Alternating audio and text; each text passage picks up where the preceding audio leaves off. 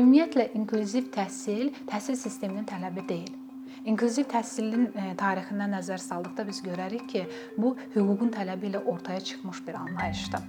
Və buna görə də təhsil sisteminin içində o uşaqların inkişafı, təhsildə davamiyyəti kiminsə mərhəmətinin ixtiyarına buraxılmamalıdır. O onun hüququ olduğu üçün ordadır.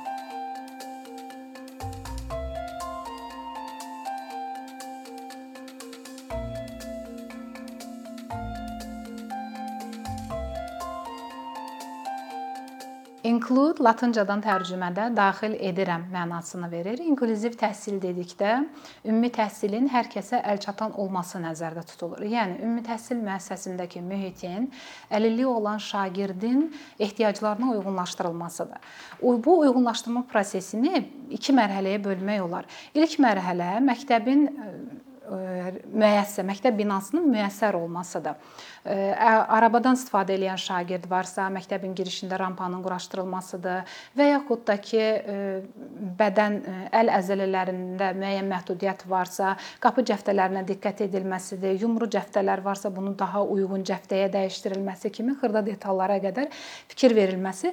Ümumiyyətlə bu ümumilikdə məktəbin reformasiyasıdır bu proses. İkinci çətin proses isə əlilliyi olan şagirdə şagirdlə münasibətin, doğru münasibətin qurulması, doğru yanaşmanın tapılması və bunun tətbiq olunmasıdır. Və çətinlik burada başlayır. Bağçaya, məktəbə müraciət edən əlilliyi olan şagird barədə sağalma, düzəlmə kimi gözləntilər kənara qoyulmalıdır. Pedaqoqun əlilliyi olan şagirdlə münasibətin təməlində məhdudiyyətlərlə yaşamağı öyrətmək fikri durmalıdır. Azərbaycanda inklüziya, inklüziv mühit dedikdə ilk ağla gələn mərhəmətdir. Bu çox yaxşıdır. Amma mərhəmətlə davam etmək, sadəcə mərhəmətlə davam etmək problem yaradır.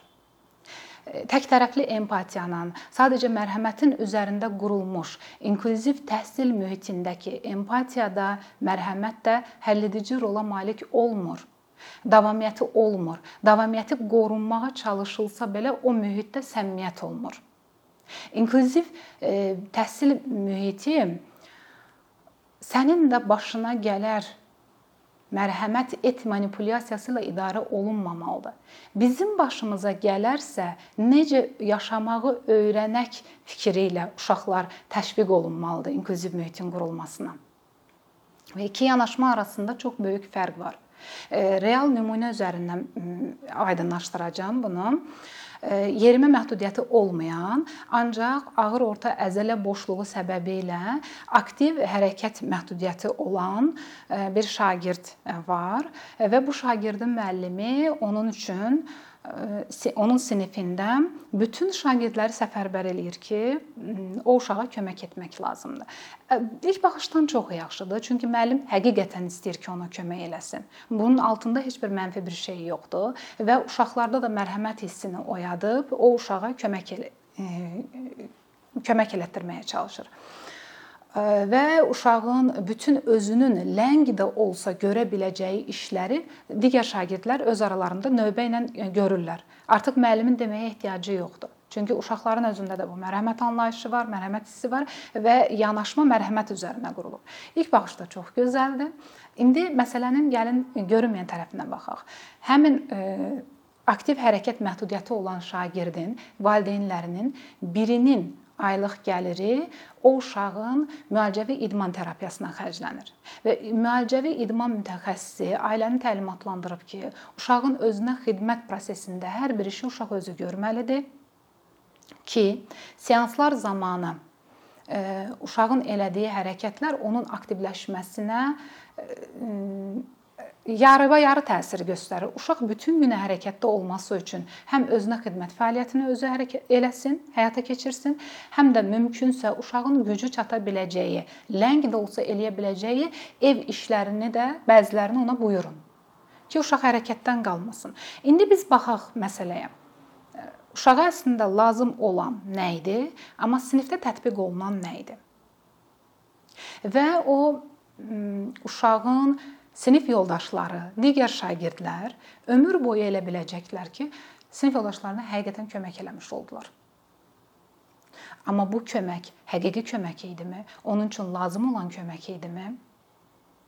Doğru bu e, mərhəmət üzərində qurulmuş yanaşmadır.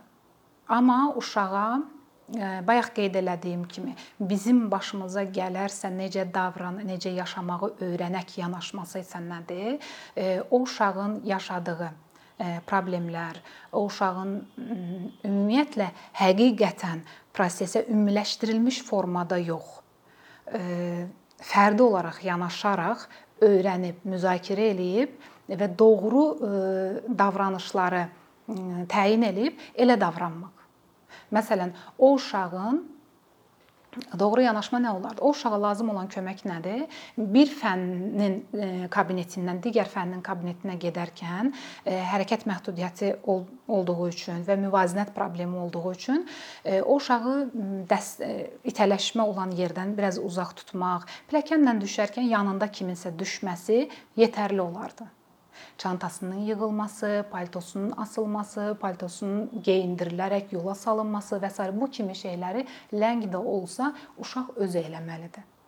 Məsələn, sinifdən çıxarkən, məktəbdən yola salınarkən əgər uşaq çox gecikərsə, sonuncu dərsdə müəllim 5 dəqiqə əvvəl həmin uşağa icazə verə bilər ki, sən yavaş-yavaş artıq hazırlaş ki, sinifdən çıxanda bütün uşaqlarla eyni vaxtda düşsün. Sadəcə bu uşağa lazım olan bu idi. Yəni onun işinin bütün uşaqlar arasında bölüşdürülməsi tamamilə yanlışdır. Nə o uşağa faydası var, nə bu uşaqlara faydası var. Bu yanaşma tətbiq olunduqda sinifdə digər şagirdlərin valideynləri də narazılıq eləyirlər. Orda narazılıq əlilliyi olan şagirdin sinifdə olması deyil. Burada yüklənmə varmı deyə bir şübhəyə düşürlər digər şagirdlərin valideynləri. Burada yanaşma dəyişdikdə Nədir yanaşmanın dəyişilməsi? İnklüziv təhsil mühitində faydalılıq iki tərəfli olmalıdır. Baxın, mərhəmət üzərində qurulmuş mühitdə faydalılıq heç bir tərəfli də olmur. Bayaq qeyd elədiyim nümunədə heç bir tərəfli də faydalılıq yoxdur. Amma iki tərəfli faydalılıq belə qurula bilər. Uşağın vəziyyəti ilə bağlı müzakirə olunmalıdır sinifdə. Uşağa nələrin lazım olub olmaması nəyin kömək, nəyin kömək olmadığı barədə müzakirənin aparılması və digər şagirdlərin e, ona sərf elədiyi vaxt və enerjinin minimuma endirilməsi ki, təhsilinə mane olmasın.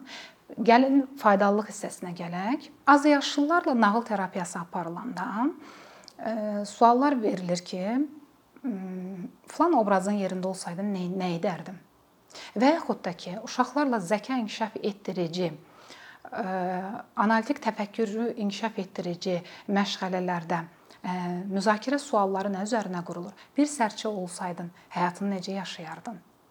Artıq uşaq sərçənin hansı problemləri yaşadığını düşünür, onu araşdırır, ona sərçənin gözündən baxır, insanların e, sərçəni vurması və yaxud da ki, böyük quşların, böyük heyvanın sərçəyə hücum çəkməsi, onun özünün təhlükəsizliyini qurması və s. hamısını təsəvvüründə canlandırır e, və bu uşağın üfüqünü genişləndirir. Hadisəyə baxışını genişləndirir. Bu həmin üsul İnklüziv təhsil mühitinin qurulmasında istifadə olunsa, o mühitin qurulması xeyli rahatlaşar. Və burada digər şagirdlərin də üfüqünün genişlənməsi ən böyük faydalılıq payıdır. Məktəb sadəcə uşağa akademik təhsil e, verməməlidir. Sadəcə akademik bilik verməməlidir. Bu tərəfdən də inkişafını e, təmin etməlidir. Və sinifdə əlilliyi olan şagird, şagirdin təhsil alması çox böyük bir fürsətə çevrilir belə olduqda. Bayaq dediyim o e, sənin də başına gələr mərhəmət et manipulyasiyası bir yükə çevrilir. O uşağın özü üçün də faydalı olmur. Ancaq başımıza gələrsə necə yaşamağı öyrənək e, yanaşmasında isə uşağın üfüqü genişlənir, e, mühakimə qabiliyyəti, daha əhatəli mühakimə qabiliyyəti genişlənir, müzakirə qabiliyyəti genişlənir spontan davranışlar genişlənir, spontan qərarlar vermə qabiliyyəti genişlənir. Baxın nə qədər fayda götürür uşaq burdan. Və gələcəkdə də bu uşaqlar uşaqlar arasında gələcəyin müəllimi var, mühəndisi var, deputatı var və uşaqlıqdan həmin o qabiliyyətlərlə böyüyən uşaq və görərək, təcrübə edərək böyüyən uşaqlar gələcəkdə öz peşələrində rahatlıqla duyarlı davrana biləcəklər. Rahatlıqla doğru qərarları qəbul edə biləcəklər müəllimdirsə sinifində rahatlıqla inklüziv mühitin qurulmasını təmin edə biləcək. Mühəndisdirsə doğru rampaları quraşdıracaq. Hər bir şeyə fikri məktəbin təkcə məktəbin yox, ümumiyyətlə binaların müyəssər olmasına diqqət eləyəcək. Bunu ona kiminsə deməsi, nəzəriyyəni oxuması da ehtiyac olmayacaq. Yəni çünki nəzəriyyələr bu gün işə yaramır. Nəzəriyyələr ona görə işə yaramır ki, biz keçmişdə sinif yolda heç birimizin sinif yoldaşımız yoxdur. Çünki onlar gizlədilirdi, diskriminasiya olunurdu, gizlədilirdi. Onların iştiraklılığı buna görə vacibdir ki, biz e, öz peşəmizdə 50 olan bir insanla rastlaşdıqda necə davranmalı olduğumuzu bilək, uşaqlıqdan bunu təcrübə eləyək. Biz nəyi uşaqlıqda təcrübə eləmişiksə, bu gün öz işimizdə heç onu hiss eləmədən tətbiq eləyə bilirik, rahatlıqla tətbiq eləyə bilirik. Müəllim bu gün uşağa mərhəmət göstərir, kömək eləmək istəyir, amma necə eləməli olduğunu bilmir. Çünki nəzəriyyə kömək eləmir, uşaqlıq təcrübəsi yoxdur. Mühəndis rampanı quraşdırır, amma bunun faydalılığını ölçə bilmir. Bu nə dərəcədə istifadəyə yararlıdır, bunu ölçə bilmir. Yol mühəndisi olsun, bina inşaat mühəndisi olsun. Və yaxud da ki, digər sahələrdə daha məsul şəxslərin qərar qəbul edən qanun vericilik orqanları həmçinin məsələyə daha dərin baxaraq yanaşılması uşaqlıq təcrübələrində çox önəmli rol var. İnklüziv təhsil təhsil təhsil sisteminin tələbi ilə ortaya çıxmış bir anlayış deyil. İnklüziv təhsilin tarixinə nəzər salsaq biz görərik ki, bu hüququn tələbidir. Və buna görə də təhsil sisteminin içində o uşaqların inkişafı, təhsildə davamiyyəti kiminsə mərhəmətinin ixtiyarına buraxılmamalıdır. O onun hüququ olduğu üçün ordadır.